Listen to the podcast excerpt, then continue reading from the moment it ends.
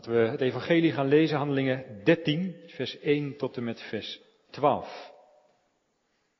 Vorige week hoorden we hoe de Heer Jezus naar deze aarde kwam om Paulus te roepen, omdat hij wilde dat het evangelie de wereld overging. Nu is het ongeveer tien jaar later en zijn we in de kerk van Antiochië in Syrië. Ondertussen is er nog weinig gebeurd. De Heere God is wel naar Paulus toegekomen, maar eh, er heeft nog weinig activiteit plaatsgevonden. En dat gaat in hoofdstuk 13 veranderen. Handelingen 13, vers 1 tot 12. Daar lezen we Gods heilige woord als volgt. En er waren in Antiochië in de gemeente daar enkele profeten en leraars, namelijk Barnabas, Simeon die Niger genoemd werd, Lucius van Cyrene, Manahen die met Herodes de viervorst opgegroeid was, en Saulus. En terwijl ze de Heren dienden en vasten, zei de Heilige Geest, zonder voor mij zowel Barnabas als Saulus af voor het werk waartoe ik hen geroepen heb. Toen vasten en baden ze, en nadat ze hun de handen opgelegd hadden, lieten zij hen gaan. Zij dan uitgezonden door de Heilige Geest vertrokken naar Seleucië en voeren vandaar naar Cyprus. En toen ze in Salamis gekomen waren, verkondigden ze het woord van God in de synagoge van de Joden. En ze hadden bovendien Johannes als dienaar. En toen ze het eiland doorgegaan waren tot Paphos toe, trokken ze een zekere tovenaar aan, een valse profeet, een Jood van wie de naam Bar Jezus was. Hij hoorde bij de stadhouder Sergius Paulus, een verstandig man. Die riep Barnabas en Saulus bij zich en verlangde er naar het woord van God te horen. Maar Elimas, de tovenaar, want zo wordt zijn naam vertaald, ging tegen hen in en probeerde de stadhouder van het geloof af te houden. Maar Saulus, die ook Paulus genoemd wordt, vervuld met de Heilige Geest, keek hem doordringend aan en zei, O duivelskind, vol van alle bedrog en van alle sluwheid, vijand van alle gerechtigheid, zult u er niet mee ophouden de rechte wegen van de Heere te verdraaien. En nu, zie, de hand van de Heere is tegen u en u zult blind zijn en de zon voor een tijd niet zien. En onmiddellijk viel er donkerheid en duisternis op hem. En rondlopend zocht hij naar mensen om hem bij de hand te leiden. Toen de stadhouder zag wat er gebeurd was, geloofde hij, versteld over de leer van de Heere. Tot zover het evangelie voor deze morgen. Zalig wie dit woord hoort en het bewaart in zijn of haar hart. Gemeente van Christus. Invloed of vertrouwen. We zijn vanmorgen op Cyprus, eiland in de Middellandse Zee, naast Syrië, onder Turkije. We zijn helemaal in de westhoek, waar de hoofdstad is, Paphos. we zijn op een prachtig mooi plekje, namelijk in het paleis van eh, de baas van het eiland. Het paleis van Sergius Paulus. En je kunt ook tegenwoordig in Paphos nog een, uh, een van de grootste Romeinse opgravingen ter wereld bezoeken waar je dat paleis ziet. Nou is wat je daar ziet van twee eeuwen later, uh, met prachtige mozaïeken in de vloer. Maar het zal er ook in de tijd van Sergius geweldig mooi hebben uitgezien. Het paleis zelf, maar ook het uitzicht. Want je kijkt vanaf Paphos, waar de Romeinse nederzetting was, zo over um, het strand en um, de Middellandse Zee. We zijn in de woning, in het paleis, in het kantoor van Sergius Paulus. Namens de keizer van Rome bestuurt hij het eiland. In onze tijd is Cyprus vooral een vakantieeiland.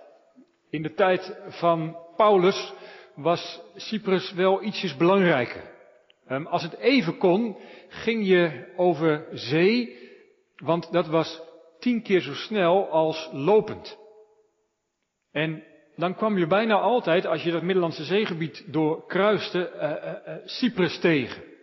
En daardoor was het nogal een knooppunt van allerlei handelsroutes. Bestuurder zijn van Cyprus is dus geen geringe taak. Even tussen twee haakjes. Ergens is er een inscriptie. Um, van diezelfde, of althans van een Sergius Paulus, die het beheer heeft over de Tiber. Dat is geen onbelangrijke taak, want dan ga je dus bijna over de watervoorziening van, van uh, de keizer. En of dat nou dezelfde was, het lijkt er wel sterk op. En of die dan die taak voor Cyprus heeft gehad of daarna, nou ja, wie zal het zeggen. Um, maar, maar, wij ontmoeten hier uh, geen geringe man. En volgens Lucas, in vers 7, uh, is dit een weldenkend, een verstandig man. Man die dus blijkbaar dat eiland Cyprus volgens uh, regels van gerechtigheid en rechtvaardigheid leidt. Cyprus was ook een eiland waar um, een hoop godsdiensten bij elkaar kwamen. Er waren diverse tempels en er was dus ook een grote Joodse gemeenschap. Dat is één. Sergius Paulus in zijn paleis.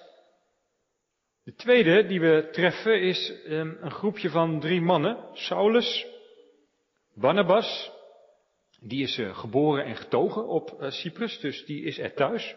Waarschijnlijk komt hij uit een vrij aanzienlijke familie van het eiland. En Johannes Marcus, de, de Dina, het hulpje. Jonge, jonge vent die uh, Paulus en Barnabas helpt. En zij zijn door Sergius Paulus uitgenodigd. Hij heeft gehoord dat ze op het eiland zijn aangekomen gehoord dat ze een, een, een theorie, een leer, een, een, visie op het leven verkondigen die, die anders is. En hij heeft hen uitgenodigd om daarvan te komen vertellen. Saulus is uit Syrië gekomen, overgestoken en daar naar de synagoge gegaan en ze zijn zo het hele eiland overgetrokken en hebben ze in alle synagogen het evangelie verkondigd en nu zijn ze dus in de hoofdstad in dat paleis van Sergius Paulus. Maar er is ook nog een ander, Bar Jezus. Bar Jezus betekent zoon van Jezus. Um, Jezus, niet in de zin van de Heer Jezus, zoals wij hem kennen, althans hoogstwaarschijnlijk niet. Maar Jezus was een vrij algemene naam, Joshua, redder, verlosser, de verwachting van de Joden was dat de Heere God zijn Joshua, Jozua, zijn Jezus zou sturen, zijn redder en verlosser. En wat is er mooier dan je kind die naam te geven? Dus de naam Jezus is een vrij eh, eh, algemene naam en Bar Jezus is de zoon van Jezus. Maar hij heeft ook een artiestennaam, want hij heet ook Elimas. Dat is vreemd, want Elimas, er eh, staat, zij stuiten op Elimas. Elimas houdt Paulus en die anderen dus eigenlijk eh, tegen. En dat gebeurt in dat paleis van eh, Sergius Paulus. Want wat is er aan de hand? Die Elimas of Bar Jezus, die hoort bij Sergius Paulus. Die, die is bij, van het personeel. Maar welke taak heeft hij dan? Nou jongens en meisjes, hij is tovenaar. En dat is heel apart. Want Elimas is een Jood. En de Heere God heeft in het Oude Testament uh, tover, tovenarij verboden.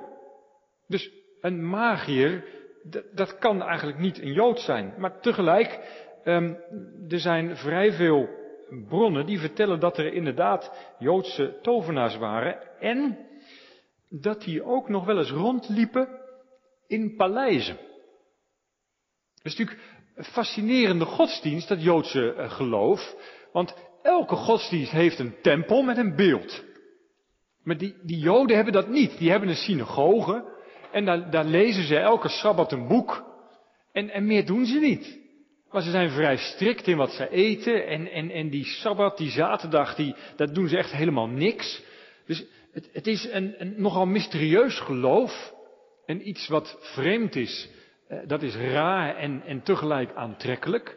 Dus dat Jodendom, dat, dat werd soms gezien als, als toch een, een, een godsdienst die misschien wel iets in zich had. Je kon er ook niet zomaar bij, je kon niet daarbij gaan zitten. Althans, niet in elke synagoge. En dan hebben ze ook nog eens een boek met spreuken, want dat is vaak wat er gebeurde, zo lijkt het. Dat die magiërs de, de spreuken van Salomo en ook nog een aantal apocryfe boeken met spreuken van Salomo gebruikten dus dan zeiden ze zo'n spreuk van Salomo om de loop van de geschiedenis te beïnvloeden.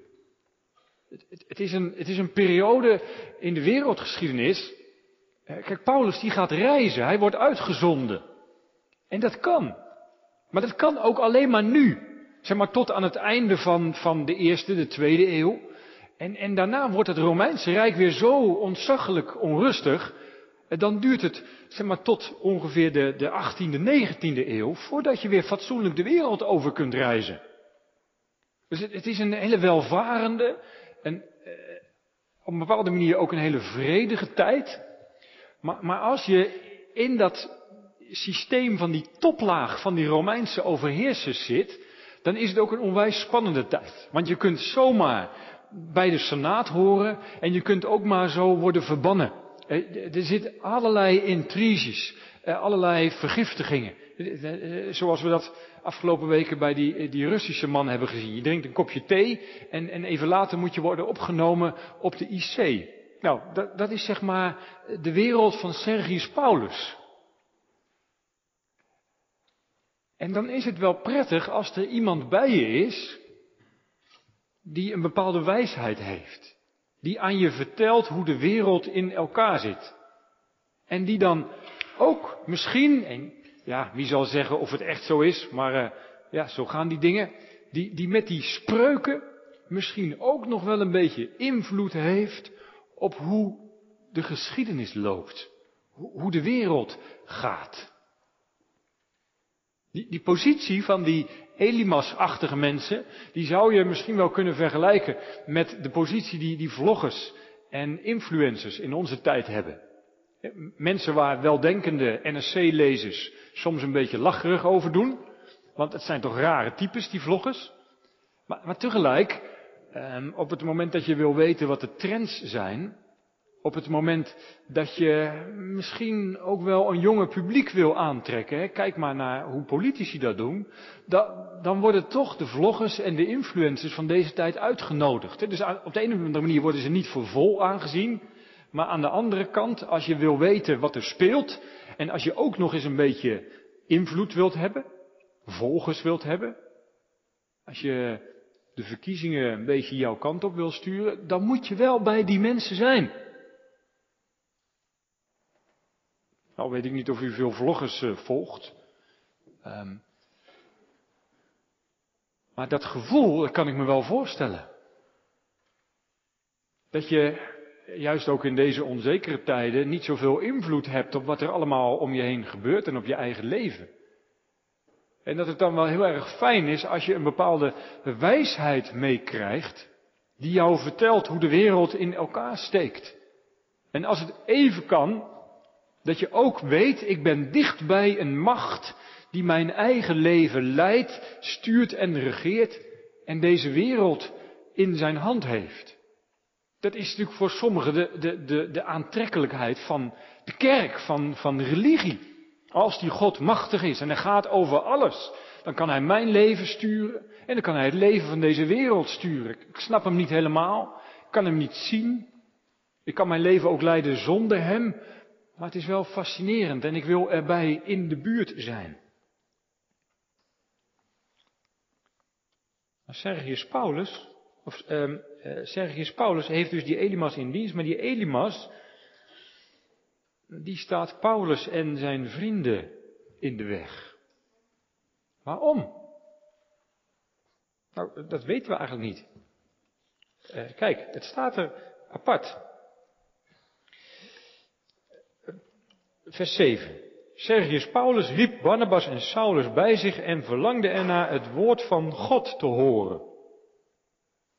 Maar Elimas, de tovenaar, want zo wordt zijn naam vertaald, ging tegen hen in en probeerde de stadhouder van het geloof af te houden. Er staat dus niet dat Paulus is gaan praten, maar uit het feit dat Elimas er ineens tussendoor begint te kakelen, weten we dat Paulus dat wel is gaan doen. Lucas vindt het ook niet van belang om ons te vertellen wat Paulus dan precies vertelt. Alleen maar dat hij met die Elimas in gesprek gaat. Daar zit hem blijkbaar de crux. In, in die confrontatie tussen Saulus en Elimas, die tovenaar. En toch, toch geeft Lucas stiekem twee sleutels, waardoor we ook weer wel weten wat er gebeurt. Want Waar verlangt Sergius Paulus naar? Het woord van God te horen. Oh ja, en Paulus heeft in zijn brieven vaak genoeg verteld wat dat woord van God is. Ik heb onder u niets anders geweten dan Jezus Christus en wel de gekruisigde. Dat is het woord van God. Saulus gaat naar deze man. En je moet je dat voorstellen, tot nu toe, eh, hij is net begonnen, als dominee zal ik maar zeggen. En hij heeft de Joden opgezocht en daar verteld over de Heer Jezus. Maar nu staat hij voor een heiden, dat had hij nog niet meegemaakt. Dat hadden nog niet zoveel mensen meegemaakt. Eh, Petrus en Cornelius, een paar hoofdstukken eerder, maar Cornelius lijkt toch alweer een connectie te hebben met de synagoog. Hij staat voor een heiden die niks weet van Israël. Hij vertelt het woord van God. Hij vertelt over Jezus. Een mens op deze aarde. Een mens van God. Ja, God zelf. En die mens, die God, is geslagen. Is bespot. Kreeg een doornenkroon op. Is aan het kruis gehangen. En deze mens, God, is opgestaan uit de dood en leeft en regeert over heel de wereld. Het woord van God. Voor de Joden een ergernis en voor de heidenen een dwaasheid. De Romeinen. Het is rustig in het land. Ze beheersen de hele wereld. En er is voorspoed. Er is macht. En er is invloed.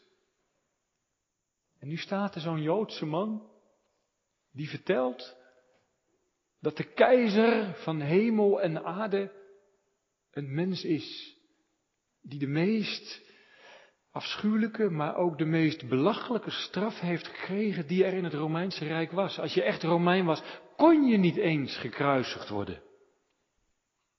Deze Jood, deze Jezus, wordt verkondigd als de koning van hemel en aarde. Gemeente, het is voor ons niet te begrijpen dat deze wereld is gered, dat ons leven is verzoend. Wij die voor het grootste deel bij dat woord zijn opgegroeid. Maar deze man die heeft daar nog nooit van gehoord. Die heeft van dat Joodse geloof gehoord. Van die spreuken van Salomo, van die wijsheid. En misschien heeft Elimas wel verteld over de schepping van hemel en aarde. Over de God die niet alleen maar gaat over dat eiland Cyprus, maar de God die gaat over de hele wereld. Misschien heeft Elimas verteld over, over de macht van die God die, die het water van de Rode Zee zomaar uiteen kon laten gaan en, en het volk bevrijden uit Egypte.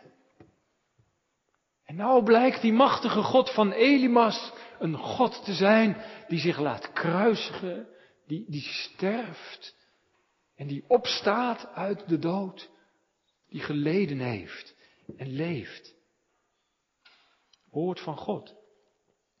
En Elimas probeert de stadhouder van het geloof af te houden. Dat is het tweede, waardoor Lucas laat zien wat er gebeurt. Waar is Paulus op uit? Dat, dat Sergius Paulus hem vertrouwt. Nee, dat Sergius Paulus Jezus vertrouwt. Want Elimas probeert Sergius Paulus van het geloof af te houden. Is dus niet zozeer van, van, van de Joodse godsdienst, van de Joodse gebruiken, maar, maar het concentreert zich allemaal op die Jezus. Vertrouw je dat Hij heeft geleden en is gestorven? Vertrouw je dat Hij God is? Dat, dat de heerser van hemel en aarde zich laat bespotten? Dat de heerser van hemel en aarde het kwaad in zichzelf bestraft en op zich neemt? Vertrouw je het woord van God? Vertrouw je Jezus? En Elimas die gaat daar tegen in. Omdat het strijdt met, met alles wat, wat, wat zijn Joodse geloof uitmaakt. Dat, dat God machtig is. En alles in zijn hand heeft. En komt in heerlijkheid. Maar, Paulus staat dat ook zomaar te verkondigen aan die heidensman. Alsof hij erbij kan. Alleen maar door het te vertrouwen. Als je als, je als proseliet, als heiden bij, bij de synagoge wilde horen, dan was dat een, een heel lang traject. Het kon wel, maar er was van alles voor nodig. Je moest je aanpassen aan de gebruiken. En dan nog was je nooit volwaardig Jood, want dat kon alleen maar als je uit dat volk geboren was. En nu dringt Paulus er bij Sergius op aan dat hij, dat hij het gewoon alleen maar vertrouwt. Geen categorisaties. Niet je gedragen zoals de rest van de kerk. Vertrouwen dat God doorboorde handen heeft. Het gaat toch zomaar niet? En Elimas komt er tussendoor. En Elimas, Elimas ontdekt dat hij zijn invloed aan het kwijtraken is. Want, want als je vertrouwt op deze Jezus, dan is dat de Jezus die zegt, zalig zijn de armen van geest, zalig zijn de vredestichters, niet de mensen die invloed hebben, niet de mensen die de loop van de geschiedenis kunnen beïnvloeden, maar zalig zijn de mensen die hun leven aan Jezus geven. En dat is dus niet een God die zegt, oh kom maar bij mij, dan laat ik je stralen, dan zal ik je troosten, dan komt het allemaal goed. Maar dat is een God die zegt, neem je kruis op en volg mij. Zalig zijn de armen van geest, die al hun invloed uit handen geven. Dat zal nog wel wat consequenties hebben voor die Sergius, als die werkelijk vertrouwt dat Jezus God is. En het zal consequenties hebben voor Elimas. Want waarom zou je de geschiedenis willen beïnvloeden? Als je weet dat de geschiedenis al lang bepaald is. Aan het kruis van Golgotha heeft Gods liefde overwonnen. En dan hoef je niet meer mee te doen met de intriges in de Senaat. Dan heb je Elimas niet meer nodig. En dus gaat Elimas er tegen in, zoals hij er ook bij u en bij jou en bij mij tegen ingaat. Want te geloven dat wij brood en wijn krijgen. En dat het daarmee klaar is. Dat het daarmee goed is. Dat al onze zonden vergeven zijn. Dat gaat er zomaar niet in. Wij willen een beetje overzicht over ons eigen leven. Wij willen een beetje invloed in de omgeving waar we leven, thuis, op het werk of in de kerk. Maar ons wordt het woord van God verkondigd en zichtbaar verkondigd vanmorgen. Dat wij een God hebben die zijn leven uit handen gaf. Die geen invloed had, maar slaaf werd. En wij worden geroepen om zijn dood te verkondigen, om hem te vertrouwen, om te geloven dat hij degene is die deze wereld leidt en regeert. Niet in heerlijkheid, maar vanaf het kruis. En dat dat kruis de heerlijkheid van God is. En dat ons leven, misschien een gebroken leven, een aangevochten leven, een ziek leven, of misschien juist wel een perfect leven, een leven waarin we heel veel invloed hebben. Dat ons wordt verkondigd dat Jezus onze Heere en onze Heiland zijn dat Hij aanspraak doet op jouw leven en zegt, ik leef en ik regeer, ik wil jouw Heere en jouw heiland zijn. Vertrouw je me? En hij staat klaar met zijn brood. Steek je je hand uit. Of zijn er van binnen of van buiten allerlei elimassen in je hart en in je hoofd. Die zeggen, ja maar dat kan zomaar niet. En ik kan toch niet maar alles uit handen geven. En dan helemaal aan deze God, die, die zo zwak is. Maar Saulus, vervuld met de Heilige Geest, keek hem doordringend aan en zei, o duivelskind. Bar Jezus heet hij, kind van Jezus. Het lijkt zo mooi, kind van de zaligmaker. En Saulus zegt, jij bent een kind van de duivel. Gemeente, al die stemmen in je hart, die je proberen af te houden van het vertrouwen op de Heer Jezus. Daar past dit woord op. Duivels kind. Het is niet om het even. Paulus zegt niet, nou ja, dat is Elimas, die is de vertegenwoordiger van het oude Joodse geloof. Ik ben Paulus, ik ben de vertegenwoordiger van een nieuwe sect in het Jodendom en ik denk dat ik gelijk heb, maar kijkt u maar, Sergius. u, u, bent een heiden, u bent een weldenkend mens, u bent een Romein. allebei een vreemde stroming, maar ik denk dat het het beste is om bij mij te komen. Maar weet je, alle wegen leiden naar Rome. Nee. Paulus kijkt Elimas in de ogen en zegt, jij bent een duivelskind, vol van bedrog en sluwheid. Vijand van alle gerechtigheid. U zult er niet mee ophouden de rechte wegen van de Heere te verdraaien. Elimas, die is bezig met de wegen van de Heere. Ja, het is een Jood. En hij laat iets van het Joodse geloof zien daar bij Sergius. Maar hij verdraait de wegen van de Heer. dus je kunt, je kunt prima christen zijn en de wegen van de Heer gaan, maar die wegen verdraaien. Dat is het werk van de duivel. Het lijkt allemaal zo recht en rechtzinnig. Maar de rechte wegen van de Heer worden verdraaid. Het is zo sluw, vol van bedrog vijand van de gerechtigheid. Dat de dingen recht worden. Dat je elkaar en God recht in de ogen kunt kijken. Gemeente, dat is waar de duivel op uit is. En hij heeft zijn kinderen in deze wereld. En die kinderen van de duivel worden ook nog wel eens in ons hart geboren. Die allerlei rechtzinnige dingen bedenken. Maar uiteindelijk leiden wij een leven dat niet Gods weg is naar de heerlijkheid, maar een weg die verdwaalt. En waar we in het duister omkomen. En nu, zie de hand van de Heere is tegen u en u zult blind zijn en de zon voor een tijd niet zien. En onmiddellijk viel de donkerheid en duisternis op hem en rondlopend zocht hij naar mensen om hem bij de hand te leiden. Dat moet iets voor die Paulus geweest zijn, want hij ziet zichzelf daar natuurlijk. tien jaar geleden was het bij hem gebeurd.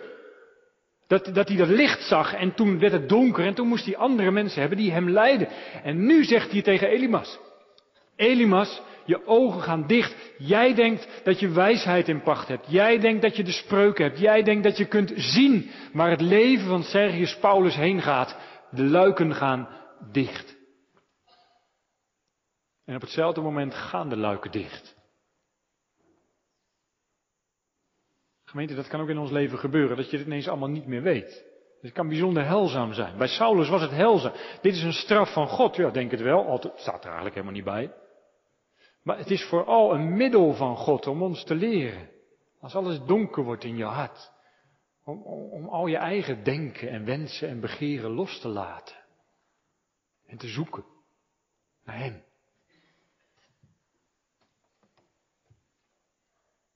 De hand van de Heere is tegen u. En u zult blind zijn en de zon voor een tijd niet zien. En toen de stadhouder dat zag, wat er gebeurde, geloofde hij. Wat gelooft hij nou? Als je, als je er zo naar kijkt, dan denk je, aha, Paulus heeft laten zien dat hij een grotere tovenaar is dan Elimas. Want Paulus zegt, blind, blind. Nou, dat is nog eens een, uh, dan ben je nog eens een tovenaar. Die Elimas, die staat daar maar te schreeuwen, die kan blijkbaar niet. Dus, dat is nou waar Lucas een, een gruwelijke hekel aan heeft. Telkens als er in, in, in het boek Handelingen iemand opduikt en zegt, als ik nou dat woord van God heb, dan kan ik daar iets mee. Dan grijpt Lucas in en laat hij zien dat het zo niet werkt. Maar wat dan? Nou, vanaf het begin van dat hoofdstuk is de Heilige Geest aan het werk. Eh, vers 2. Terwijl ze de Heer dienden en vasten, zei de Heilige Geest, zonder voor mij zowel Barnabas als Saulus af voor het werk waartoe ik hen geroepen heb. Dus apart, die gemeente die is dus aan het bidden, die komt niet op het idee van, oh laten we nou Paulus eens gaan wegsturen. Nee, de Heilige Geest, die heeft een plan, die heeft Saulus en Barnabas geroepen.